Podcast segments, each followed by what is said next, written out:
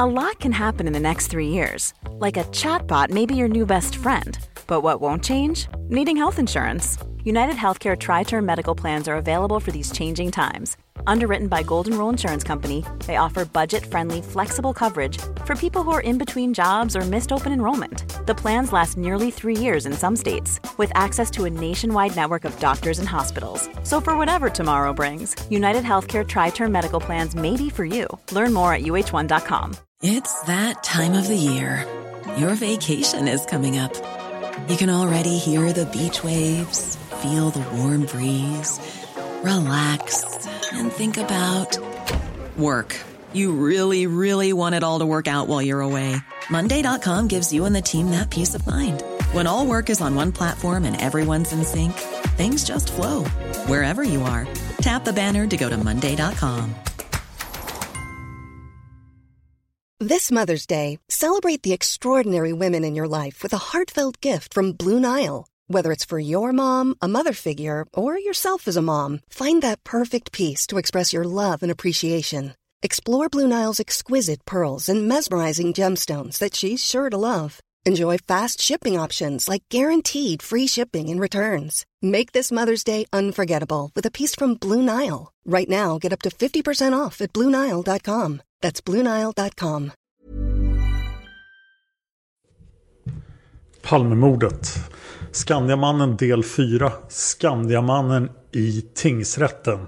Jag heter Dan. Jag gör den här podcasten som en del av mitt lilla företag som sysslar just med YouTube-kanaler och podcaster. För att jag ska kunna göra det så behöver jag sponsring av er och företagsannonsörer. Som ni vet några sådana så hör av er. Men ni kan sponsra mig personligen genom att gå till patreon.com palmemordet. Och jag har blivit ombedd att bokstavera det så det är alltså P-A-T-R-E-O-N. Patrik Arne, Tore, Rudolf, Erik, Olle, Niklas slash Palmemordet. Och det är jättebra om ni sponsrar mig där för att då kan jag kommunicera med er som är sponsorer och jag kan hålla koll på mycket mera exakt hur mycket pengar jag kommer att få för nästa avsnitt och så vidare. Om ni tycker det är för komplicerat så kan ni också göra det med Swish eller Paypal. Och för Swish så ska ni kontakta mig på facebook.com slash eh, Palmemordet. Skicka ett meddelande där och fråga efter mitt telefonnummer så svarar jag. Gäller också Paypal då. Idag ska vi prata om Skandiamannen i tingsrätten. Men innan vi gör det tänkte jag göra en liten parentes om den här röda bilen. Och väktaren Annette K som vi har pratat om. Och jag vill ofta höra och jag har ofta tänkt själv i samband med Skandiamannen att man borde fråga Annette K för allting verkar som att hon fortfarande lever. För hon var ganska ung då. Men journalisten Sven Aner gjorde alltså det och jag tar mig friheten att citera från Palmenytt. Palmenytt var en, ett fanzin kan man säga. Ett veckoblad, en tidning som gick ut. Som Sven ner gjorde på 90-talet innan han gick över till att blogga på nätet. Och det här ligger utlagt på runeberg.org då så kan man studera alla nummer av Palmenytt. Och Sven ner har en fantastisk förmåga att gräva fram saker då.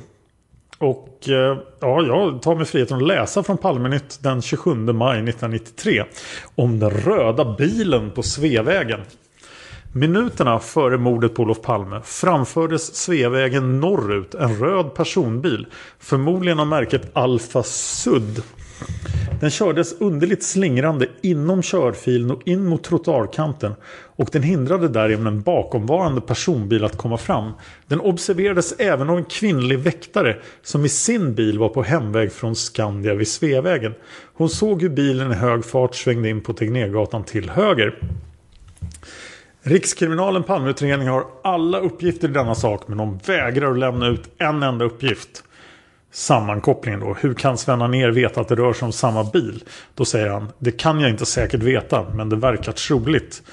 Hur jag över, har jag överhuvudtaget fått dessa uppgifter om polisen ingenting säger? Det började med den kvinnliga väktaren. Jag stötte på hennes namn, Annette K. Då jag studerade förhören med hennes tre väktarkollegor på Skandia Sveavägen mordnatten. Det var intressant för då har alltså Sven ner fått tag på tre väktarförhör. Jag har bara två. Jag har ju bara Henry och Anna-Lisa. Ja, Sven Anér fortsätter. Förhörsprotokollen med de tre väktarkollegorna kommer att finnas med i den officiella och offentliga förundersökningen. Och i dessa förhör nämndes ofta Anette K. Men något förhör med henne finns inte tillgängligt. Jag frågade Rikskrim men fick bara till svar att protokollet inte ingick i förundersökningen avseende Christer Pettersson. Och att överklagande hjälpte inte. Sven Anér ringde då Anette som inte förstod vad som var så hemligt med hennes berättelse. Hon hade väl sagt ungefär detsamma som sina kollegor menade hon. Såvida det inte var den röda bilen polisen hade hakat upp sig på. Utförlig uppgift om denna röda bil finns med i hennes förhör försäkrade Anette. Som dock inte ens själv fått se protokollet. Häromdagen fick jag så, säger Sven ner via ett tips från en representant för allmänheten, kontakt med två personer som minuterna före mordet passerat vad som skulle komma att bli brottsplatsen och som sålunda observerats och hindrats av en röd bil, troligen Alfa Sud, med tre till fyra personer i bilen. Den sökte tydligen parkeringsutrymme, tvärbromsade, tvärstartade och så vidare tills den med en rivstart försvann till höger in på Tegnérgatan. En av de båda personerna i bilen bakom den röda bilen ringde någon dag efteråt till polisen. Varefter båda så småningom telefonförhördes utan engagemang från polisens sida. De båda vittnena är Gunnar L, präst och diakon som hade jourtjänst klockan 19 23 på Stadsmissionen på mordkvällen då. Liksom Gustav F, socionom och biträdande chef för Stadsmissionen. Det rör sig sålunda om mycket högkvalificerade vittnen. En väktare som just gått ut från sin tjänst, tränad att observera. En präst, diakon, socialarbetare, just gått av från sin tjänst, van att observera, kännare av människor. Samt vicechefen på Stockholms Stadsmission, socionom, just gått av, etc. Varför är det här inte med i förundersökningen mot Christer Pettersson? Ja, det är den stora frågan, frågar sig Sven ner. Naturligtvis kan Sven ner, säger han också, eh, inte veta om den röda bilen spelat en roll. Men det vet ju inte heller polisen. Allra minst Petterssons försvarare eller Stockholms tingsrätt eller Svea hovrätt. Ingen av dessa instanser har brytt sig om att närmare granska den röda bilen och försvar, tingsrätt, hovrätt har aldrig känt till den röda bilen överhuvudtaget. Ni känner nu till den röda bilen men Birgitta Blom har aldrig hört talas om den. När polis och åklagare överhuvudtaget haft rätt har polis, och åklagare överhuvudtaget rätt att stoppa förhörsprotokollen med Annette K eller de från Missionskyrkan i skrivbordslådan? Jag har talat med jurister som menar att självfallet betyder, betyder inte, behöver inte alla ointressanta och irrelevanta spaningsuppslag föras in i en förundersökning. Men så fort det finns en outredd koppling mellan olika förhörsuppgifter måste dessa uppgifter tas upp och därmed bli offentliga. Och Anette K finns nämnd i förhören med hennes väktarkollegor. Alltså borde självfallet Anette K-förhöret ha medtagits i förundersökningen mot Christer Pettersson. Och i så fall hade den röda bilen blivit offentlig. Och då borde givetvis även socionomernas röda bil ha blivit offentlig. Istället lägger Rikskrim ner ett aktivt arbete, det är fortfarande Sven ner som talar och inte jag, för att inte visa den röda bilen. Att för död och pina inte visa den röda bilen. Och vad vet vi egentligen om Sveavägen före mordet? Inte mycket. Om någorlunda tillförlitliga vittnesuppgifter finns egentligen bara musikläraren Inge M som från snett över Sveavägen observerar en person vid Dekorima före mordet. Men inget ändrar sig i olika förhör, framförallt beträffande den tidsrymd under vilken han observerat Dekorima-mannen, några ögonblick eller några minuter. För övrigt finns vittnen som männen i kiosk, mannen i kiosken, vi har då Fredrik Kyrka, Anders B alkoholpåverkad, Nikola tveksam samt fullständigt otillförlitliga vittnen av typ Roger Östlund.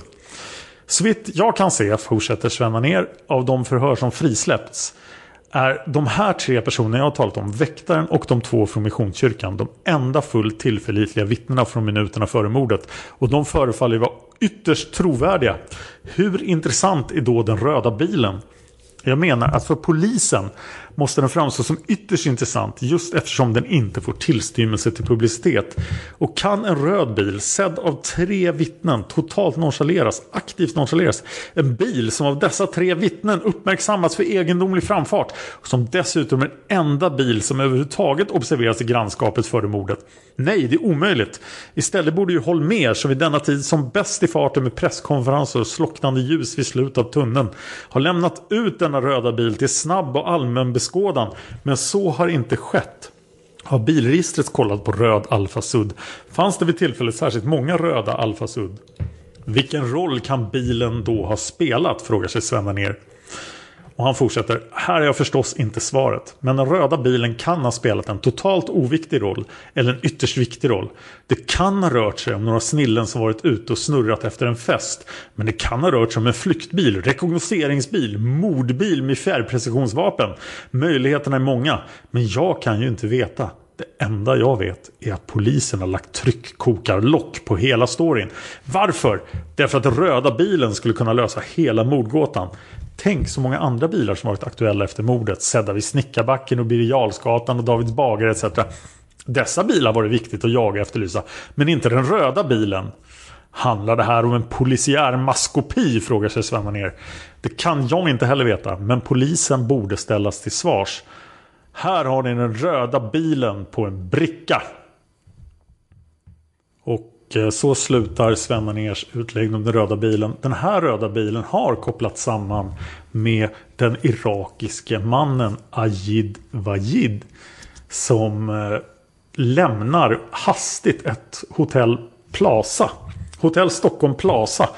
Mot David Bagares gata. I samband, eller några minuter efter mordet. Och eh, blev misstänkt för det. Han hade haft för sig väldigt mycket konstigheter. Men honom ska vi prata om. Ajid W kanske vi borde kalla honom. Han ska vi prata om i, när vi kommer till Iran-Irak-spåret. För han finns det mycket att säga om. Det var en tio minuter utläggning om den röda bilen. Men jag tyckte själv att det var så otroligt intressant. För jag har aldrig hört talas om det förut. Utan det hittade jag bara på grund av att jag ville få reda på mer om Anette K. Nu ska Skandiamannen upp i tingsrätten. Och då vill jag återigen rekommendera boken Nationens fiende av Lars Larsson. Finns på Bokus. Där köpte jag den och jag läser nu från den. Från Lars Larsson för han har gjort en bra sammanställning här. Om vad, vad som händer i tingsrätten. Observera då alltså att Stig E Skandiamannen själv har alltså förhörts under ed. Och jag kommer nu i det här avsnittet att visa då med Lars Larssons resonemang att Stig ljuger under ed. Och det gör man inte lättvindigt. Om han har fört hela sitt resonemang, han har velat synas, han har ljugit ihop sin historia för att synas, som många tror om Skandiamannen. Då är det underligt då att han fortsätter eh, ljuga under ed. Lars Larsson säger då när Stig hörs i tingsrätten så görs han det som ett av försvararnas relativt fåtaliga vittnen. Och det är ju jätteintressant för de flesta antar att Skandiamannen har kallats till tingsrätten i rättegången mot Christer Pettersson för att visa att Lisbeth Palme var redig. Men Mosander har sagt i ett radioprogram att han hade kallats av försvaret för att, kunna, för att försvaret skulle kunna ifrågasätta Lisbeths uppgifter. Lars Larsson fortsätter. Att åklagarna väljer att inte kalla in Skandiamannen skulle vid en första betraktelse kunna tolkas som att åklagarna visste att Stig inte såg gärningsmannen och att Stig i övrigt inte tog kunna bidra till att fälla Christer Pettersson. Men så enkelt verkar det inte ha varit. Åklagarna har valt att helt utesluta Stig E ur hela förundersökningsmaterialet som lämnades in till tingsrätten. Alla förhör och alla referenser till honom saknas helt. Försvararna har dock hört talas om Skandiamannen, säkerligen genom hans medverkan i tv och övrig media. Och begär att Skandiamannen ska höras.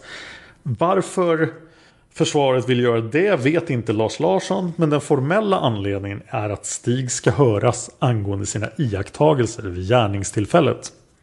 Kanske ville försvararna sprida tvivelsmål runt antalet gärningsmän på platsen. Åklagarna argumenterade för att Christer Pettersson var ensam mördare. Men Stig har uppgett att Lisbeth Palme har sagt Förresten så har hon skjutit mig också. Vilket skulle kunna innebära att hon har sett mer än en gärningsman. Till skillnad från vad åklagarna gjort gällande. Kanske var det skälet till att Stig blev kallad som vittne. Försvarets begäran bifölls av tingsrätten och förundersökningsledaren var därmed tvingad att inkludera materialet de hade om Stig. Och det är därför de här väktarförhören och förhören med personal på Skandia också har blivit offentliga då. Det är därför vi har kunnat få tillgång till förhör med Stig. Allt material i underlaget till tingsrätten blir nämligen offentliga uppgifter. Men åklagarna var inte sparsamma när de valde bland materialet. Förutom förhören med Stig valde de även att skicka in de förhör som gjorts med säkerhetspersonalen på Skandia. Förhör som är minst sagt komprometterande för Stig. Taktiken bakom detta är uppenbar. Om försvaret lyckas få ut något ur Stig som skulle kunna peka i en för åklagarna ogynnsam riktning skulle de enkelt kunna åberopa förhören med säkerhetspersonalen i syfte att dra tvivelsmål över Stigs historia. Men så blev det dock aldrig. Stig hördes under ed i tingsrätten på förmiddagen den 4 juli 1989 på försvarets begäran. Och frågorna ställs ju då av försvarsadvokat Arne Liljeros. Och närvarande och har vissa repliker har du även lagman Karl Anton Spak som är rättens ordförande och åklagare Jörgen Almblad. Men Liljeros börjar de. Jo, Stig, du vet vad förhöret gäller. Det gäller vissa iakttagelser du gjorde på kvällen den 28 februari 1986. Arbetade du på Skandia vid det tillfället? Stig svarar. Ja, det gjorde jag. Liljeros. Jaha, och arbetade du över? Stig. Ja, jag arbetade över därför att familjen skulle åka till Idre på vintersemester. Och jag hade inte gjort färdigt det jag tyckte jag borde ha gjort. Så att jag satt kvar rätt länge. Jag visste att mitt sista tunnelbanetåg gick så att jag var tvungen att lämna mitt arbetsrum kvart över elva. Så att då lämnade jag också mitt arbetsrum. Liljeros. Jaha, och du stämplar ut och kommer ut på Sveavägen. Stig. Ja, det gjorde jag. Liljeros. Kan du säga ungefär när du stämplade ut? Stig. Enligt stämpelklockan så visar den på 23.20. Men vid kontroll dagen därpå visar det sig eh, efter Fröken Ur då så gick den 60 sekunder fel. Och det betyder att jag har stämplat ut 23.21. Liljeros. Det finns några noteringar här tidigare om att du ska ha stämplat ut 23.19 men rätt tid ska vara 23.20. Men har du kollat det här? Stig. Det har jag kollat för bara några dagar sedan. Liljeros. Jaha, så du skulle ha stämplat ut då 23 och Stig 21. Liljeros. Jaha, så kommer du ut då? Är det Sveavägen 44 som du kommer ut? Stig. Ja. Liljeros. Ja, du kommer ut och kan du berätta med egna ord vad du gör och vad du ser och vad du hör? Stig. Ja. Jag följer trottoarens ytterkant. Ungefär när jag kommer i höjd med en affischpelare som står i höjd med det som då hette Götabanken och som nu heter Linders resebyrå. Då hör jag vad som förmodligen är skott nummer två. Jag har bara uppfattat ett skott, är tydligt och klart. Det andra har jag uppfattat mer som oljud. Liljeros. Hur långt ifrån Tunnelgatan kan du ha varit när du hör det här skottet? Stig. Den där affisch, affischpelaren står 20 meter ifrån i nordlig riktning och jag var alldeles bakom den. Och därifrån så snedde jag in på, eh, mot bankens upplysta fönster för att kolla på min klocka. Om jag skulle hinna med sista tunnelbanetåget eller inte. Planning for your next trip? Elevate your travel style with Quince. Quince has all the jet setting essentials you'll want for your next getaway. Like European linen, premium luggage options, buttery soft Italian leather bags and so much more. And it's all priced at 50 to 80% less than similar brands. Plus, Quince only works with factories that use safe and ethical manufacturing practices. Pack your bags with high-quality essentials you'll be wearing for vacations to come with Quince. Go to quince.com slash trip for free shipping and 365-day returns. Hi, I'm Daniel, founder of Pretty Litter. Did you know cats tend to hide symptoms of sickness and pain? I learned this the hard way after losing my cat, Gingy. So I created Pretty Litter, a health monitoring litter that helps detect early signs of illness by changing colors, saving you money and potentially your cat's life. Pretty Litter is veterinarian developed, and it's the easiest way to keep tabs on your fur baby's health right at home. Go to prettylitter.com and use code ACAST for 20% off your first order and a free cat toy. Terms and conditions apply. See site for details. I'm Sandra, and I'm just the professional your small business was looking for. But you didn't hire me because you didn't use LinkedIn jobs. LinkedIn has professionals you can't find anywhere else, including those who aren't actively looking for a new job but might be open to the perfect role, like me. In a given month, over 70% of LinkedIn users don't visit other leading job sites. So if you're not looking on LinkedIn, you'll miss out on great candidates like Sandra. Start hiring professionals like a professional. Post your free job on linkedin.com/people today. Eh, Liljeros och så fortsätter du då i riktning mot Tunnelgatan. Stig, ja. Den tunnelbanestationen som finns vid Tunnelgatan stänger rätt tidigt på eftermiddagen på kvällen så att jag var tvungen att gå upp till Kungsgatan för att komma ner. Liljeros, ja vad händer? Vad ser du? Stig, jo, när jag går på insidan av trottoaren så håller jag i princip på att snubbla på en person som ligger på marken. Ligger på rygg och jag ser att det är blod och jag står och tvekar om jag ska fortsätta mot min tunnelbanestation eller om jag ska stanna. Liljeros, innan vi fortsätter. Hur lång tid kan det ha gått ifrån att du hör den här smällen till dess att du kommer fram till den här personen som du nästan snubblar över? Stig. Den tiden tar tar att titta på klockan plus en 6-7 sekunder. Liljeros. Jaha, hade du bråttom? Gick du fort? Stig. Ja, jag gick fort. Liljeros. Hur var det med folk på platsen här? Kan du säga någonting om det? Stig. Ja, det var typiskt efter biodags. Det fanns lite folk här och lite där och det var rätt mycket trafik på gatan. Liljeros 6-7 sekunder plus den tid det tar att titta på klockan. Och titta på klockan kan det ta ett par sekunder kanske? Stig, ja, jag har en mörk urtavla så att plus att jag var vinterklädd så man måste plocka fram klockan under kavaj och rock och så vidare. Liljeros, ja och vad konstaterar du? Du ser en person ligga där. Ser du någon ytterligare person? Stig, ja. Jag ser en dam som ligger på knä över den här personen och eh, under den tid jag då står och funderar på vad jag ska göra så rör hon sig upp och ner och fram och tillbaka. Och min, då glömmer jag min tunnelbana och tänker att här gäller det att fråga åt vilket håll den person som sköt sprang och hur han var klädd. För att jag befarade att hon inte skulle vara kvar på platsen på det sätt som hon sprang fram och tillbaka. Liljeros, hur verkade hon vid det här tillfället? Vi vet ju nu att det är fru Palme. Stig, ja, hon verkar lite virrig och flaxig. Men jag hade ett samtal med henne och det gick att prata med henne. Liljeros, sa hon någonting om vad som hade hänt? Stig, nej, det var jag som frågade. Jag frågade åt vilket håll och då pekade hon åt tunneln på Tunnelgatan. Och så frågade jag hur var han klädd? Och då tvekade hon ett litet kort ögonblick, ska vi säga en tre sekunder. Och så säger hon mörkblå täckjacka. Och sen några sekunder senare så säger hon Förresten har de skjutit mig också. Och då tänkte jag att det kan inte vara så farligt med det på det sättet som hon rörde på sig. Liljeros, ja, tittar åt vänster då. In mot Tunnelgatan. Stig, ja, då tittar jag bort mot Tunnelgatan. Och då ser jag en figur, mestadels som en siluett. Lite svagt belyst från sidan. Och den personen står alldeles blickstilla under en tidsperiod som jag uppskattar till 10 sekunder. Eftersom jag trodde att det var den personen som hållit i vapnet så kände jag en liten hotfull känsla. Och därför så tyckte jag att 10 sekunder var en väldigt lång period. Sen tittar jag ner i marken. Och när jag tittar upp igen så är den där figuren borta. Liljeros. Hur lång tid kan det ha gått från att du hör de här skotten, skottet, till dess att du tittar till vänster och ser den här siluetten borta på Tunnelgatan? Stig eh, suckar och tar en 10 sekunders tankepaus. Eh, 10-15 sekunder, jag är lite osäker. Liljeros, alltså från det du hörde skotten. Stig, nej inte från det att jag hörde skotten, från det att jag kom fram. Eh, Liljeros 10-15 sekunder. Fick du något begrepp om den här personens klädsel och ålder? Stig, ja. Jag har haft tillfälle att titta på fotografier hos kriminalen och peka ut vilka jag såg. Och den personen jag såg på detta långa avstånd och i dålig belysning var jag nästan hundraprocentigt säker på när jag satte fingret på fotografi. Jag fick efteråt veta av polisen att det var vittnet Lars som jag hade sett. Och han var, han var väldigt typiskt klädd med en ganska stor bullig jacka och mycket smala ben. Liljeros. Och den här personen du såg, var stod han? Stod han på vänster eller höger sida av Tunnelgatan? Stig. Han stod till vänster om baracken, i förlängningen av baracken och på den hitre trottoaren på Luntmakargatan. Liljeros. Ålder på den här personen. Du har ju sett fotografier och så vidare. Men ditt intryck då vid tillfället? Stig. Ja, det var en ung person. Liljeros. Hur hjälpte du till på något vis här när det gäller Palme? Stig. Ja, jag håller ju på med lite olika saker på Skandia som gäller information och skadeförebyggande åtgärder, cellstöd och så vidare. Och jag har gått en första hjälpen-kurs och det jag ser då framför på marken det är en person som ligger på rygg med en halvöppen mun och blodet som går så långt upp att tänderna syns inte och det sipprar lite grann i mungipa och näsborre.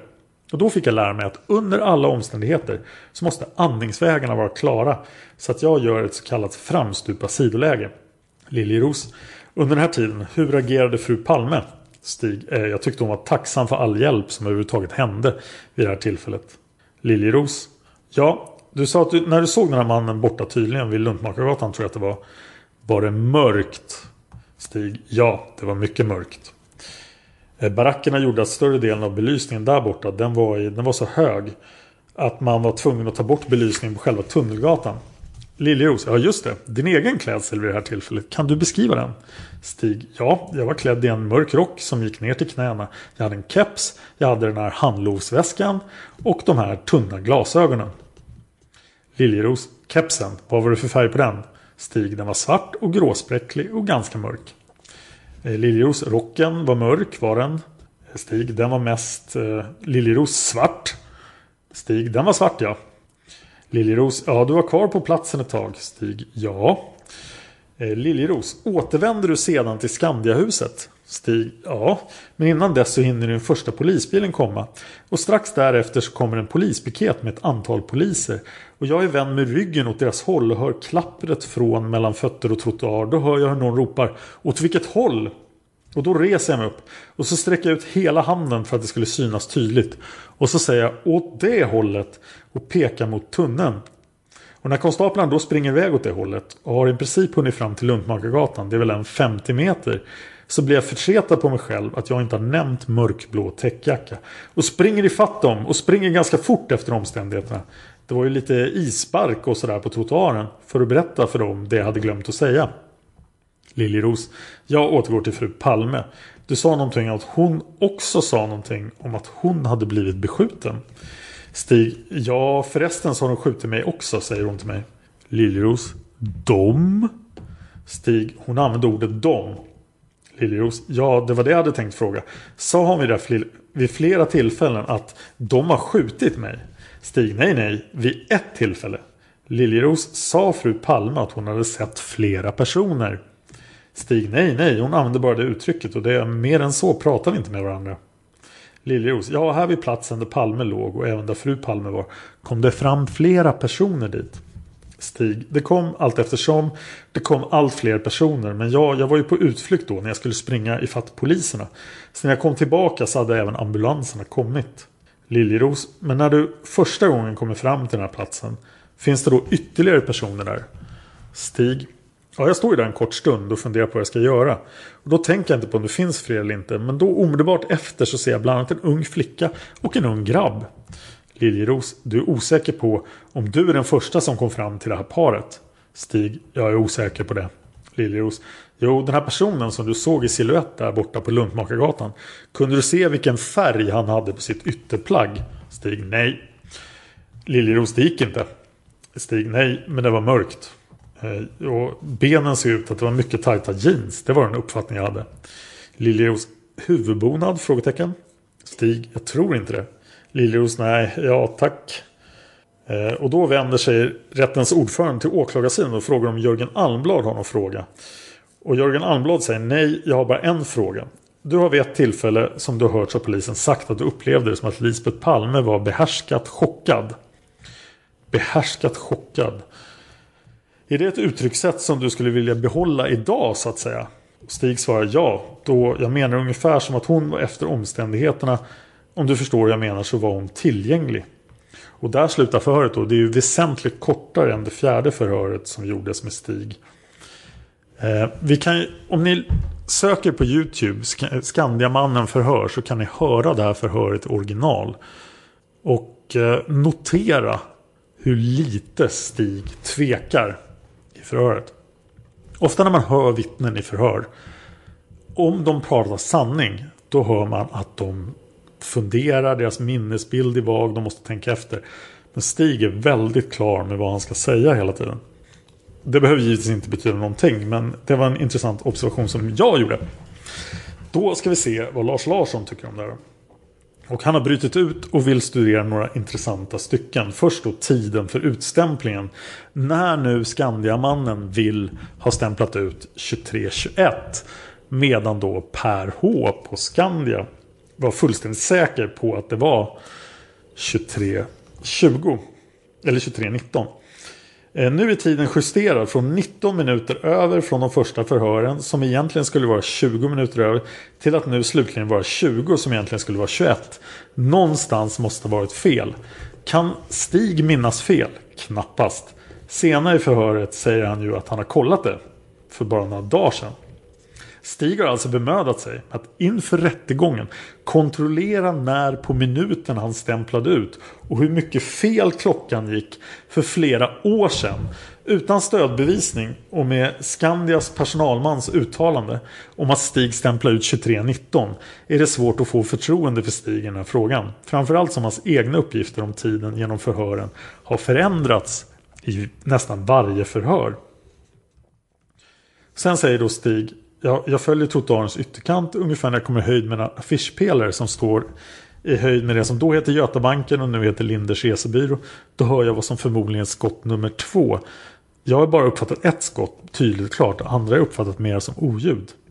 Då säger Lars Larsson Stig justerar här även sina tidigare uppgifter. Från att i alla förhör har talat om bara ett skott, vilket han uppfattar som en avgassmäll har Stig nu till sist ändrat den slutliga, slutliga versionen till att han hörde två skott men att det andra har misstolkats som oljud.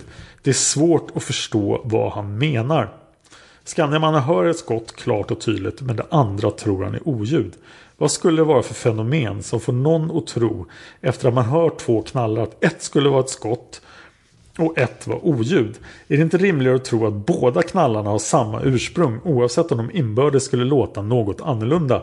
Låt oss vänta med att värdera det här ytterligare och bara nöja oss med att konstatera att Stigs ändringar av sina uppgifter inte bidrar till att grundfästa något förtroende för hans historia. Sen säger Stig i förhöret. Den här affischpelaren står 20 meter ifrån i nordlig riktning och jag var alldeles bakom den. Och därifrån så snedde jag in mot bankens upplysta fönster för att kolla på min klocka. Liljeros frågade då 6-7 sekunder plus den tid det tar att titta på klockan. Och titta på klockan kan det ta ett par sekunder det. Och Stig svarar ja, jag har en mörk urtavla. Så att plus att jag var vinterklädd så man måste plocka fram klockan under kavaj och rock och så vidare. Och då tycker Lars Larsson att här finns mycket, mycket ny intressant information. Först ser vi att de ständigt återkommande 5-6 sekunderna det tar från smällen tills han är framme vid Olof Palme nu har sträckts ut till 6-7 sekunder plus ett par sekunder som det tar om att titta på klockan. Det finns först och främst en glidning i tiden det tar innan han kommer fram.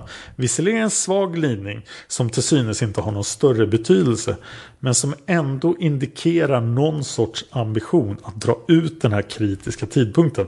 Nu kan det ha tagit så lång tid som 7 plus 2 sekunder innan Stig är framme. Det andra vi observerar är att Stig alltså måste stå stilla en kort stund för att kolla klockan. Tidigare har Stig sagt att han kollar klockan i steget men nu men så är det inte längre. Utan nu stannar han och kollar vad klockan är vid det upplysta fönstret. Det här är en ny uppgift som senare i tidningsintervjuer ska utvecklas ännu mera. Nu sneddar Skandiamannen alltså in från reklampelaren och går mot skyltfönstrets upplysta fönster.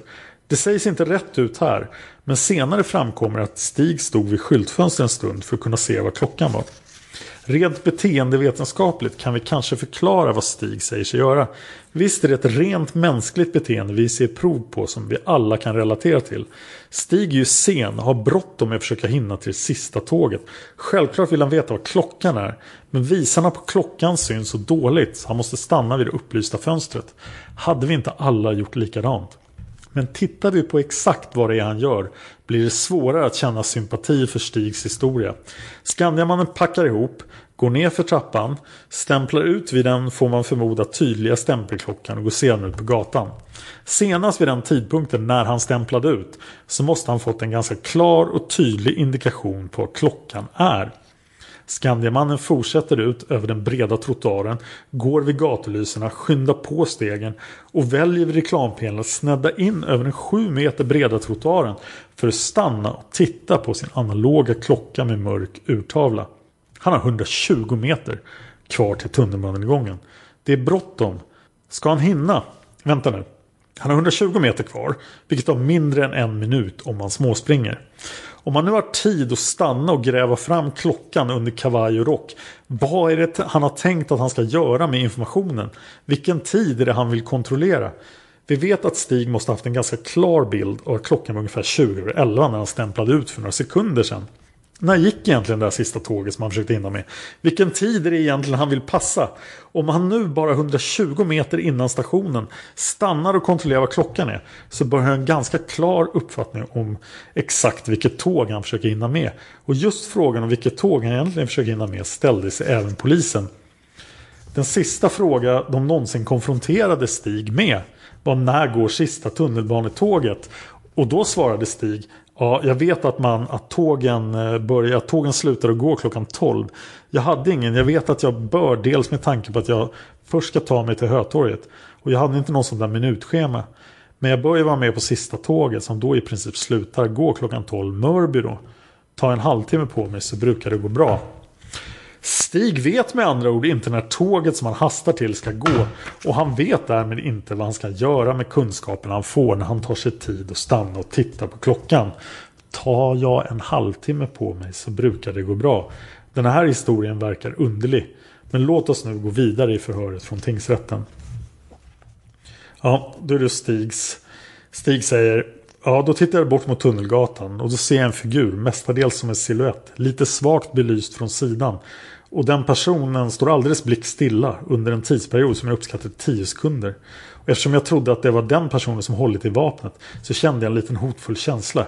Därför tyckte jag att 10 sekunder var en väldigt lång period. Sen tittade jag ner i marken och när jag tittat upp igen så är figuren borta. Här reagerar man som lyssnare på hur Stig bedömer tidsperioden. Han uppskattar att han tittar upp i 10 sekunder. Han tror att det är mördaren och därför känns de här 10 sekunderna som väldigt långa. Varför uppskattar han det då till 10 sekunder och inte mycket mer? Känns det som mycket mer än 10 sekunder? Varför säger han då att det bara är 10 sekunder? Tog han tiden? Eller är det här en påhittad efterkonstruktion? Sen kommer då Liljeros fråga. Under den här tiden, hur agerade fru Palme? Och då svarade Stig, jag tyckte att hon var tacksam för all hjälp som överhuvudtaget hände vid det tillfället. Detta går tvärt emot allt som framkommer från övriga vittnen. Anna H talar om att hon nästan med våld fick hålla Lisbeth ifrån sig eftersom Lisbeth krävde att ingen rörde vid Olof Palme. Karin J berättar att Lisbeth smällde till Anna H.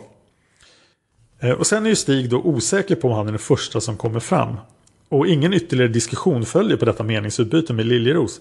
Från att tidigare i förhör efter förhör tvärsäkert ha uttalat som att två personer utöver Lisbeth fanns på plats vid kroppen är nu Stig plötsligt osäker. Vid det här laget vet vi att det är helt omöjligt att någon kan ha varit framme lika snabbt som Stig om hans berättelse i övrigt stämmer. Kanske har han själv funderat över det här och blivit osäker. Men de tidigare uppgifterna i förhören har lämnat mycket lite utrymme för osäkerhet. Vi fortsätter lyssna på vad Stig säger i rättegången. Stig, det kom allt eftersom, det kom allt fler personer.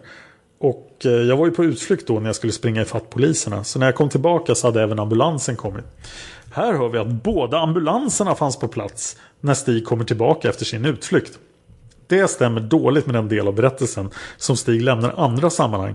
Där han uppger att efter sin utflykt ser han att Anna H genomför hjärtmassage.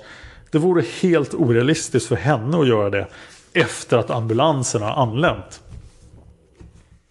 Och där avslutar Lars Larsson sin analys av Stigs edsvurna vittnesmål från tingsrätten. Men han fortsätter ändå med en liten sammanfattning då. Vilket allmänt intryck kan man få av Skandiamannen och den berättelse han lämnar i alla dessa förhör? Stig E framstår som ett idealiskt vittne. Han minns allting utan att behöva tänka efter. Svaren kommer snabbt. Han tvekar nästan aldrig eller påstår att han inte minns. Allt är solklart och tydligt. Endast i ett par speciella fall börjar han tveka och ger otydliga svar.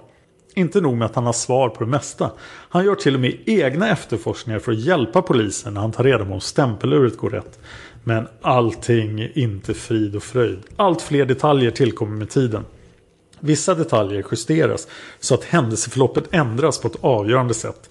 Och det finns fakta i Skandiamannens berättelse som vi ovillkorligen kan hävda helt enkelt inte stämmer. Utan tvekan bär Stigs berättelse många kännetecken på en lögn. Även utöver de stycken där vi med säkerhet kan beslå honom med att tala osanning. En person som ljuger svarar snabbt. Han har redan tänkt ut alla svar på alla tänkbara frågor. Och när frågan kommer så levereras svaret självsäkert och snabbt. Däremot får lögnaren problem när utfrågan hoppar fram och tillbaka eller vill veta detaljer i historien i relation till något som inte hänger ihop. Ett annat kännetecken är att ord och fraser upprepas eftersom de är inövade. En person som inte ljuger brukar istället omedvetet variera sig när en sann historia återberättas. Det är också vanligt att en person som talar sanning inte drar sig för att göra små spontana korrigeringar av sin egen berättelse. Exempelvis kanske hon säger Nej vänta jag stod på vänster sida inte höger. I ett förhör är det naturligt att någon som berättar något som är sant ibland erkänner att delar av historien är bortglömd. Sådana passager hittar man överallt i vittnesförhör. Typ, nej nu minns jag inte om jag stod på höger eller vänster sida. Stigs vittnesmål bär på flera sätt en prägel av att vara uppdiktad. Dels kan vi beslå Stig med att i vissa specifika fall faktiskt fara med osanning. Dels kan vi med ledning av det allmänna intrycket konstatera att hans vittnesmål visar flera tecken på att vara osanna. Hur kan det då, om det nu är så enkelt att vederlägga hans historia, komma sig att polisen inte uppmärksammade detta? Det kan finnas några skäl till det. För det första så vet vi inte om polisen faktiskt upptäckte eller ansåg att Stig eventuellt talar osanning. Det finns eh, däremot tydliga tecken på att Stig i juni 1986 blev intressant för polisen som tänkbart inblandad. Främst genom Skandiaförhören. För det andra så förhörde Stig hela tiden olika poliser. Och det är fullt tänkbart att det brast i kommunikationen mellan poliserna. Eller att förberedelsen inför förhöret var undermåliga. En polismans misstanke om att Stig ljög förstärktes inte av att nästa polis misstänkte samma sak. Och kanske lät de saken bero med det. För det tredje är det tänkbart att polisen ansåg att Stig ljög. Men att de bara bedömde det som att han var en person som inte alls fanns på plats. Utan bara ville bli berömd genom att ljuga om sin insats på mordplatsen. Skandiamannen framstår som en person som vill bli sedd och bekräftad. Och mycket tyder på att det var så polisen bedömde honom. Tecken tyder på att Hans Holmér tidigt sorterade ut Stig E som ett opolitligt vittne med motiveringen att han var en notorisk mytoman. Vi har mera att gå igenom om Skandiamannen och det kommer att bli ytterligare två avsnitt. Vi kommer att titta på en eh, serie artiklar i Proletären och vi kommer att titta på ett antal olika hypoteser om vad det är som försiggår här. Vad håller Stig E på med? Men innan vi gör det så vill jag ändå gå igenom Lars Larssons slutsatser. Och jag läser återigen då ur boken Nationens fiende. Rekommenderas varmt. Det finns ingen mall, process eller datorprogram som kan värdera och bedöma fakta kring ett brott och dess misstänkta och sedan presentera gärningsmannen. Trots avancerad teknik och modern utrustning kan man sällan med 100% säkerhet säga att den misstänkte också är identisk med den skyldige. I målet mot O.J. Simpson framgick det att till och med DNA-bevis kan ifrågasättas. Hur vet man att inte en polis planterar en blodig handske på en komprometterande plats? Eller att han av misstag förväxlar DNA-prov taget från den misstänktes hem med ett sådant taget på brottsplatsen. Orealistiskt, otänkbart, ja, men knappast omöjligt. Det innebär att alla sorters bevis måste värderas och vägas, även sådana som i första anblicken anser oantastliga. I fallet Olof Palme finns inga tekniska bevis i traditionell mening. Det finns inget DNA, det finns inga fingeravtryck, det finns inget mordvapen och inte ens de upphittade kulorna går att med fullständig säkerhet sägas härstamma från mordet. Och även om de gör det så är det bara en kuriositet så länge som inte mordvapnet är funnet och placerat i mördarens hand. Allt som finns är ett antal vittnen där många av dem har olika uppfattningar om vad som utspelar sig på mordplatsen. För att med trovärdighet kunna peka ut någon person för ett brott där personen inte tas på bar gärning och teknisk bevisning saknas bör många indicier hänga ihop i en stark kedja och peka en och samma riktning. Inte heller bör fakta kunna motbevisa dessa indicier. Generellt kan man säga att domstolarna, i alla fall hovrätten och högsta domstolen, är ytterst ovilliga att döma någon utan starka indicier. Finns minsta tveksamhet brukar man nyttja principen att hellre fria än fälla. Trots detta visar erfarenheten att det i svenska fängelser sannolikt sitter oskyldigt dömda personer som uppenbarligen dömda med hjälp av indicier eller falska eller feltolkade bevis som verkar till deras nackdel. Det finns alltså anledning med att vara försiktig med eventuella utpekanden. Låt oss först studera vad som pekar på att Stig E kan ha någonting med mordet att göra. Det första indiciet då. Stig E fanns på platsen. Det är knappast ett brott att befinna sig på en mordplats i anslutning till att mordet begås. I alla fall inte om man inte håller i vapnen. Men för att kunna utpeka någon som skyldig så måste man först kunna göra det troligt att denne någon har befunnit sig på mordplatsen vid tidpunkten för mordet. Och det har Stig E gjort. Vi behöver inte fråga honom själv för det finns flera indicier och minst ett bevis. Skandiamannen har stämplat ut 2319. Detta bekräftas både av Stig själv initialt och av Skandias loggbok över stämpelklockan. Han har därmed haft tid att infinna sig på mordplatsen två minuter senare och endast 60 meter därifrån. Väktare på Skandia uppger i polisförhör att Stig har gått ut vid den angivna tiden, varit borta i 20 minuter och därefter kommit tillbaka och berättat att Olof Palme har blivit skjuten. Vi kan alltså vara säkra på att Skandiamannen har varit i närheten. Men hur placerar vi honom exakt på just den punkt där mordet skedde i exakt rätt stund? Det är inte så svårt, för Stig avslöjar detta själv. I förhöret dagen efter mordet berättar Stig att han inne i gränden har sett en man som senare identifieras som Lars J. Vi vet att Lars stod där exakt vid tidpunkten för mordet. Han dök upp där just innan mordet och ganska snart därefter beger han sig därifrån. Lars var i samma ålder och klädd på samma sätt som Stig beskriver. Inget annat vittne har sett denna person, så Stig kan inte ha hört om det i efterhand. Vid tidpunkten när denna uppgift kommer från Stig är det inte heller känt via radio, tv eller tidningar att ett vittne har varit placerat på denna plats. Så inte heller via dessa kanaler kan Stig ha hört om vittnet Lars. Hur kunde då Stig veta att Lars fanns där?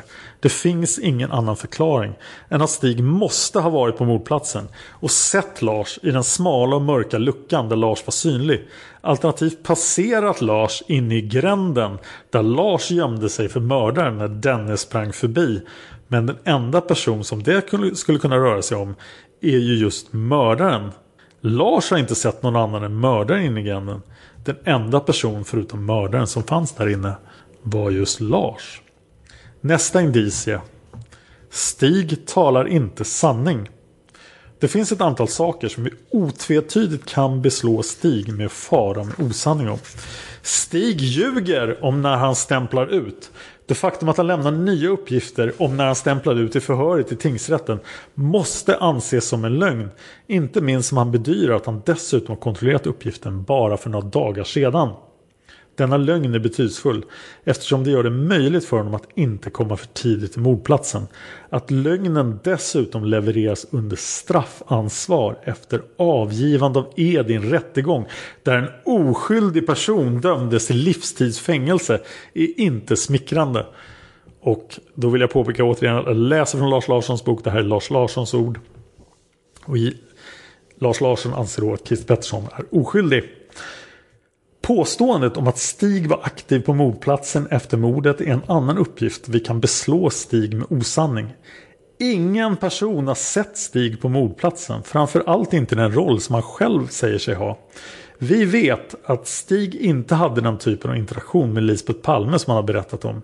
Vi vet att Stig inte hjälpte till med kroppen mellan Anna H och Stefan G. Vi vet att Stig inte visade vägen för poliserna. Vi vet att Stig inte sprang efter poliserna. Vi vet att Stig inte stod i vittneskö och pratade med en polis. Stigs berättelse om Lisbets agerande och hennes sinnesnärvaro stämmer inte heller. Ingen annan är ens i närheten av samma beskrivning. Det vill säga att Lisbet var behärskat chockad och det gick att prata med samt eh, var tacksam för all hjälp. Samtliga andra vittnesmål med en åsikt om saken pratar om en fullt förståeligt hysterisk kvinna som i princip var omöjlig att kommunicera med och som initialt försökte avvärja alla försök till första hjälpen. Nästa indicie. Stig speglar mördarens aktiviteter. Det finns ett antal moment i Stigs berättelse om hur mordet genomfördes som precis lika gärna kunde ha berättats av mördaren. Låt oss ta dem i tur och ordning. Promenaden fram till mordplatsen. Stig promenerar hastigt längst ut på trottoaren tills han kommer fram till reklampelaren. Där avbryter han sin brådskande språngmarsch mot tunnelbanan för att vika in mot skyltfönstret och kontrollera sin klocka. Detta kan knappast anses vara en särskilt naturlig åtgärd. Speciellt inte med tanke på att Stig är stressad, han har bråttom till sin tunnelbana och måste hinna med sista tåget för att åka på semester dagen därpå. Särskilt med beaktande av att Stig inte vet när tåget går. Vad ska han göra med informationen om hur mycket klockan är? Det naturliga beteendet är istället att fortsätta hastigt småspringande mot tunnelbanan oavsett vad klockan i det läget skulle visa på. Det framstår inte som naturligt att slösa tid på att stanna, ta 5-6 steg in mot skyltfönstret och sen gräva fram en klocka och försöka tolka den. Inte minst om det bara är 120 meter kvar till tunnelbanegången. Men det är inte det som är poängen. Det märkliga med Stigs rörelser är istället att vittnet Inge M ger mördaren just denna väg och position in till mordplatsen. Enligt vittnet Inge M kommer mördaren in till sin position vid skyltfönstret från reklampelaren in till skyltfönstret bredvid. Vilket är exakt vad Stig E säger att han gör. Nästa speglingsgrej då som Stig gör som stämmer med mördaren.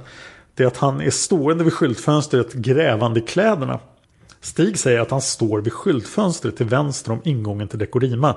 Där vill han titta på klockan. Varför han måste gräva fram den i sina kläder under rock och kavaj.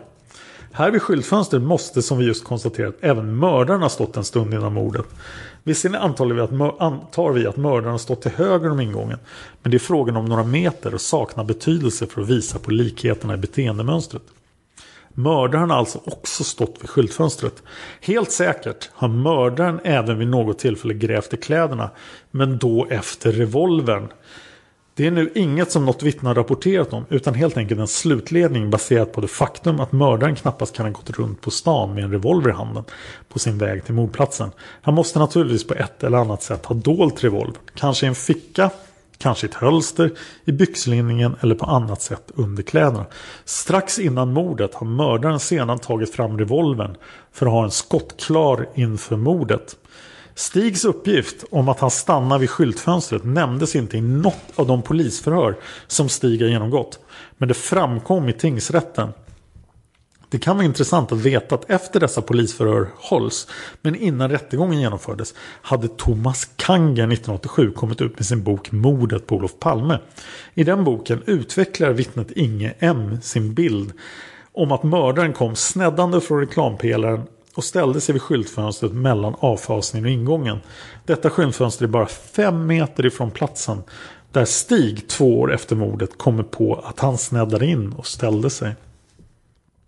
Nästa sätt som Stig speglar mördarens beteende på är att han tvekar med mordplatsen. Stig kommer fram till mordplatsen, står stilla en stund vid paret och tvekar om hur han ska göra. Stanna kvar och hjälpa till eller skynda sig till tunnelbanan. Just detta tvekande är något som vi hör flera mordplatsvittnen berätta om att mördaren gör. Efter att ha avlossat skotten står han kvar en stund som att han är osäker på vad han ska göra. Han tvekar och sen stoppar han undan vapnet och försvinner. Nästa sätt som Stig speglar mördarens beteende är att han har armen utsträckt. Stig sa, jag reser mig då upp och sträcker i något militaristisk stil ut armen och pekar in mot trapporna i Tunnelgatan. Att som Sture säger stå på mordplatsen med armen utsträckt i militaristisk stil är något som en annan person också gjort alldeles nyligen på exakt samma plats. Den mannen är mördaren.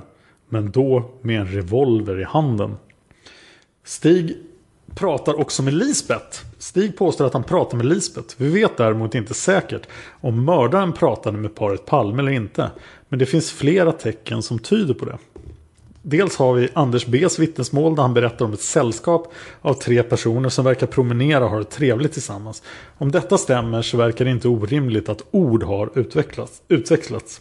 Snarare skulle det verka orimligt att ett sådant sällskap skulle vara helt tyst. Oavsett av vilket skäl det kan ha kommit samman. Ett ursäkta eller vad gör du bör sannolikt utvecklas. Dels har vi Inge M's berättelse där det framgår att Lisbeth släpper armkroken med Olof och tar ett par tre snabba steg framåt innan skotten smäller. Det är på samma sätt här inte orimligt att detta beror på att Lisbeth uppmärksammat att någon har kommit fram och tilltalat Olof Palme och att hon vill undvika detta sannolikt obehagliga närmande genom att skynda på stegen. Det kan ha varit så enkelt som att gärningsmannen smyger upp bakom paret och säger God kväll herr Palme med syftet att helt säkert identifiera att det är rätt person. Och till sist har vi taxichauffören Delsborn som i sitt kortfattade förhör uppger att det verkat som att de tre personerna samtalade med varandra. Det sista sättet som eh, Stig speglar mördarens beteende på är att han springer in i gränden. Stig berättar om hur han springer in i gränden och jagar efter poliserna. Denna språngmarsch är dock ingen som har sett. Och Stig berättar själv att det var tämligen meningslös i den bemärkelsen att han inte fick tag i de löpande poliserna. Trots att han borde ha mött vittnet Yvonne med sällskap så finns det ingenting i vare sig hennes berättelse eller Stigs berättelse som nämner detta. Stigs berättelse om språngmarschen in i gränden är egentligen en ren kopia av hur vittnen har sett mördaren springa iväg. Och det här är kanske det bästa exemplet på hur Stig speglar mördarens beteende i sina berättelser. Vi kan ju då också konstatera att Stigs signalement är identiskt med mördarens. Lars Larsson fortsätter. Vi vet genom olika vittnen ungefär hur gärningsmannen ser ut. Olika personer ger dock olika beskrivningar av gärningsmannen och de har alla givetvis olika förutsättningar att göra en bra iakttagelse. Att värdera eller väga olika vittnesmål mot varandra kan vara förrädiskt. En person som ger ett bra intryck, minns många detaljer och har haft god uppsikt över mordplatsen kan mycket väl lämna felaktiga uppgifter. Ett sådant exempel ges av två personer som befinner sig mycket nära mordplatsen och har stora möjligheter att göra korrekta iakttagelser. Anders B och Delsborns. Deras beskrivning av gärningsmannens huvudbonad är anmärkningsvärt långt ifrån varandra. Anders B beskriver gärningsmannens huvudbeklädnad som en mörk eller mörkblå stickad mössa som är hoprullad ett par gånger. Delsborn å andra sidan säger i ett första förhör att gärningsmannen har en grå herrhatt och i ett annat senare för att det är en blandning av Sherlock Holmes-mössa och en grå herrhatt. Alla dessa olika beskrivningar förefaller vara helt oförenliga. Vem ska man tro på? Kan man ta ett genomsnitt av dessa och ta fram en sorts mellanting eller medelvärde? Nej, det är inte rimligt. Det enda rätta är att titta på varje vittnesmål för sig och sen försöka göra en sorts rimlighetsvärdering av innehållet. Om övervägande delen av de vittnesmål som ger ett trovärdigt intryck entydigt pekar åt ett visst håll kan man därigenom få en uppfattning om de verkliga förhållandena. Detta är såklart vanskligt och måste lämna en stor vingelmån i den här typen av vittnesvärderingar. Med denna metod kan mördarens signalement i förhållande till Stig beskrivas så här. Allmänt intryck av mördaren? Mörk. Allmänt intryck av Stig? Mörk. Eh, huvudbonad? Mördaren mössa eller keps neddragen i panna och nacke. Stig keps neddragen i panna och nacke. Ytterplagg. Mördarens ytterplagg. Lång, mörk, antagligen svart, kanske luden, troligen stora fickor. Stigs ytterplagg.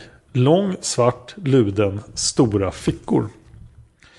Mördarens eh, byxor då. Mördarens byxor. Mörka, varken smala eller vida.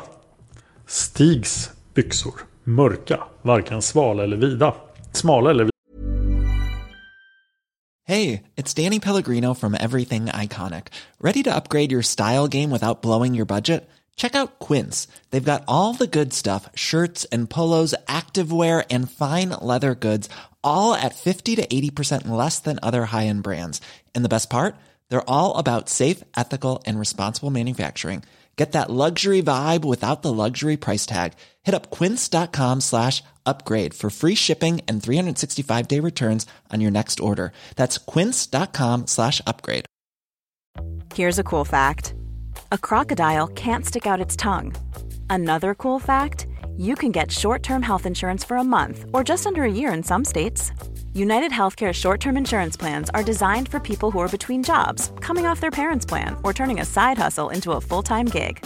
Underwritten by Golden Rule Insurance Company, they offer flexible, budget friendly coverage with access to a nationwide network of doctors and hospitals. Get more cool facts about United Healthcare short term plans at uh1.com. Planning for your next trip? Elevate your travel style with Quince. Quince has all the jet setting essentials you'll want for your next getaway, like European linen, premium luggage options, buttery soft Italian leather bags, and so much more. And is all priced at 50 to 80% less than similar brands. Plus, Quince only works with factories that use safe and ethical manufacturing practices. Pack your bags with high-quality essentials you'll be wearing for vacations to come with Quince. Go to quince.com/pack for free shipping and 365-day returns. Mördarens skor. Lågskor, kanske med en vit sula. Stigs skor, lågskor med en vit sula. Övriga egenskaper hos mördaren. Handledsväska, kanske handskar. Övriga egenskaper hos Stig. Handledsväska och handskar. Mördarens längd. 180 cm eller strax däröver. Skandiamannens längd 182 cm. Mördarens kroppsbyggnad. Något påbyggd på överkroppen och kort hals. Stigs kroppsbyggnad, något påbyggd på överkroppen och kort hals. Mördarens ålder 35 till 45 år. Stigs ålder 52 år. Mördarens löpstil sprang snabbt. Stigs löpstil sprang snabbt. De två signalementen är i praktiken identiska säger Lars Larsson. Undantaget är åldern men då kan mördaren i stort sett bara varit iakttagen springande bakifrån. Eh, och då får den uppgiften anses ha en grad av osäkerhet i sig. Och som jag sa tidigare, jag har sett Skandiamannen springa. Och han springer inte som en 52-åring. Han springer som en atlet. Eh, även kring huvudbonaden råder en viss osäkerhet. Men det är inte otroligt att en keps rejält neddragen nacke och panna från olika vinklar kan se olika ut för olika betraktare. Sammanfattningsvis då, från Lars Larsson. Vi har alltså en person som bevisligen fanns på mordplatsen. Han ljuger om sina förehavanden där. Han beter sig på samma sätt som mördaren och han ser likadan ut som mördaren. Jämför man detta med de indiciekedjor som i tur och ordning band först 33-åringen och sedan Christer Pettersson vid mordet är de indicier vi nu har vid handen gällande Skandiamannen oerhört mycket starkare.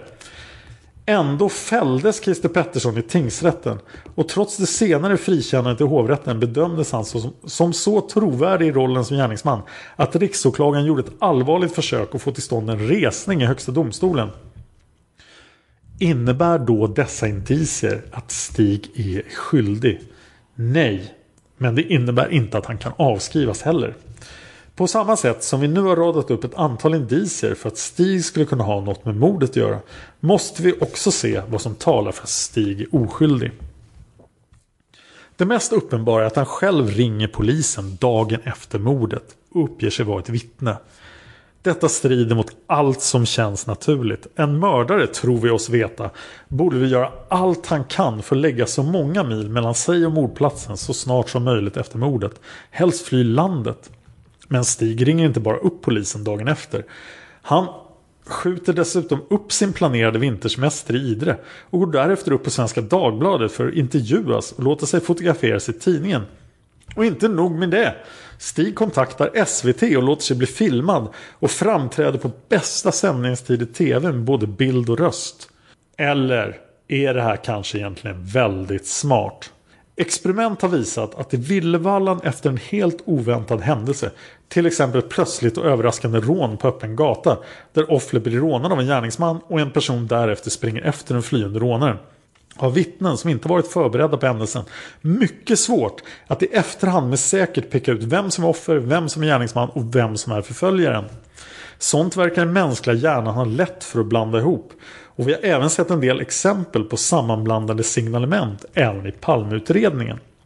En person som befinner sig på platsen och beter sig som mördaren och dessutom har liknande kläder kan under vissa omständigheter kanske felaktigt pekas ut i rollen som gärningsman när han egentligen bara är ett oskyldigt vittne.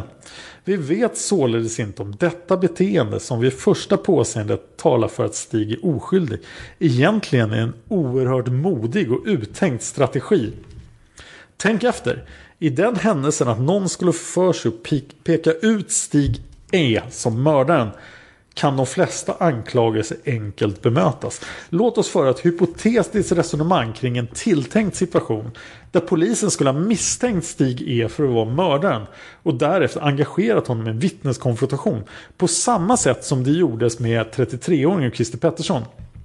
Det vill säga på den andra sidan av spegelglaset. Låt oss säga att ett vittne identifierar Stig i vårt påhittade exempel som mannen som stod i skyltfönstret och väntade på paret Palme. Ett sådant utpekande skulle ju vara helt utan värde av det enkla skälet att Stig redan har erkänt att han fanns på just den platsen. Han stod ju vid skyltfönstret och tittade på klockan. Du har ju sett mig när jag stod vid skyltfönstret och tittade på klockan. På samma sätt skulle det vara ganska enkelt att kasta tvivel på ett utpekande av Stig som mannen som stod med utsträckt hand på mordplatsen och sköt för att därefter springa in i gränden. Stig har ju redan berättat om hur han stod på platsen med utsträckt arm utan revolver och därefter sprang in i gränden. Vittnet måste ha blandat ihop det hela. Kanske var vittnet i chock. Och att identifiera ett ansikte i en konfrontation När ansiktet redan har beskådats av miljoner människor i tidningar och på tv kan ju inte vara värt någonting alls. Stig har redan etablerat sig som ett vittne som fanns på plats. Och hur konstigt det än låter så är det ett mycket bra skydd mot ett utpekande. Men det finns annat som talar för att Stig E inte kan vara gärningsman. Paret Palmes väg hem från biografen Grand den här kvällen var inte känd på förhand. Och det fanns ingen möjlighet att veta att de skulle passera hörnet i Dekorima vid just den tidpunkten. Och det är ju fortfarande Lars Larsson som talar då från sin bok här, Nationens fiender. För till exempel då mötesscenariot skulle ju vara ett sätt att veta det. Eh, som vi pratade, med om, som vi pratade om med Gunnar Wall. Hur kan då Stig, om han nu skulle vara gärningsman, kunna veta att statsministerparet skulle komma denna väg just då? Egentligen behöver inte det vara så konstigt. En enkel förklaring kan vara av en ren tillfällighet. Stig kommer ut ur entrén från Skandihuset på Sveavägen, ser paret uppe vid skyltfönstret en 40 meter norr om Skandia och börjar promenera mot tunnelbanegång. Han bestämmer sig för att vänta in dem för att säga ett par sanningens ord. Nere vid Dekorima-hörnen stannar han och väntar. Faktum är att Skandiamannen har själv lanserat en egen teori om vad som hände på mordplatsen. Och den publicerar han då i tidningen Skydd och säkerhet. Eh, vi ska prata mer om Skandiamannens mediauppdykanden då efter eller vad det står om Skandiamannen efter tingsrättsförhören. Men det här tar vi då. Här är Stigs teori om mordet från Skydd och säkerhet nummer 592. Det var kanske inte alls överlagt och planerat. Inte mord utan dråp. Eller som ett vådaskott under en älgjakt. Det är alltså Stig E. Skandiamannen som säger det här till skydd och säkerhet. Vittnen uppger sig ha sett en man samtala med paret Palme stående med ryggen mot det upplysta skyltfönstret. Andra uppger sig ha sett en man lägga handen på på Olof Palmes axel när paret Palme går neråt gatan förbi Beckers. Lägg ihop de här bilderna. Paret tilltalas av en man som kanske har känt igen dem och vill säga något till en livslevande världskändis som plötsligt kommer knallande Sveavägen fram till bion. Många har hälsat vänligt på Palme. Han hade inte bara fiender. Tänk om den beundrande statsministern snäser av vederbörande på ett föraktfullt sätt. Avvisade och vända ryggen åt blir några av oss förbannade. Om då någon av oss också går runt med ett vapen så kanske vi tar till det vid ett sånt tillfälle. Sinnet rinner till, vi tar några steg efter mannen, lägger handen på hans axel för att stoppa honom. Din jävel, pang! Det är tyvärr mänskligt. Eller omänskligt. Kanske mördaren är en solitär, en ensamvarg. Just i det planerade dråpögonblicket. Perspektivet dråpen anger att det var någon som råkade ut för det här på Sveavägen. Och han råkade ha ett vapen med sig. Är statsministerns död en slump? Kanske ett misstag eller något åt det hållet? Jag tror det. Det är den enda förklaringen jag har. Och det var ju en ganska märklig mordteori. För det är inte många andra som har framfört den. Och den framförs alltså av Skandiamannen själv. Lars Larsson fortsätter. För att kunna umgås med tanken att en person har avfyrat en revolver på någon måste man också kunna visa att personen hade tillgång till ett sådant vapen. Det finns inga, inga indikationer på att Stig vanemässigt bar en revolver på sig och inte heller att han ens hade tillgång till en. Det finns å andra sidan heller ingenting som talar emot att Stig vanemässigt bar på ett vapen i handväskan. Vad krävs av en människa för att begå ett mord? Vem bär på så mycket mod, hat eller galenskap att han utan återvändo passerar gränsen för det otänkbara? Stig framstår som helt orimlig i den hypotetiska rollen som mördare. Han beskrivs som feg, var ostraffad vid tidpunkt för mordet och hade en anständig och respektabel position vid Sveriges största försäkringsbolag. Han var i det perspektivet en helt vanlig svensk, precis som alla vi andra, om än den kvällen styrkt av flytande mod på flaska. Vi vet ännu inte säkert vem som på det fegaste av alla sätt sköt Olof Palme till döds på Sveavägen i Stockholm för 30 år sedan. Men jag kan skymta honom borta vid skyltfönstret i närheten av reklampelaren. Och det är en orimlig mördare som tar tillfället i flykt att befria nationen från en fiende. Jag vill tacka Lars Larsson då för hans fantastiska bok. Jag vill också tacka Patrik som har satt mig i kontakt med Lars Larsson och eh, hjälpt mig med de här avsnitten. Jag vill tacka Albin som har sponsrat den här podden via Swish. Om ni sponsrar via Swish eller Paypal så måste ni säga till om ni vill bli tackade och vad jag ska säga för namn på er om ni vill bli tackade. För det är en sak man uppger på Patreon så då vet jag det.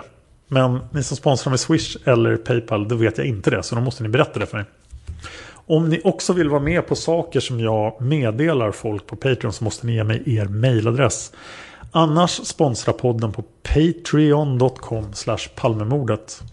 Det var allt för mig denna gång. Ni kan nå mig på Twitter på att Dan Horning eller på facebook.com palmemordet. Jag vill jättegärna ha iTunes-recensioner. Jag har spelat in det här lite i förväg och nu när jag tittar på iTunes finns det inga nya recensioner från när jag gick igenom dem förra gången. iTunes-recensioner hjälper den här podden att bli hittad lättare. Och det placerar oss högre upp på topplistorna. Så att vi hamnar före andra svenska poddar och det vill vi.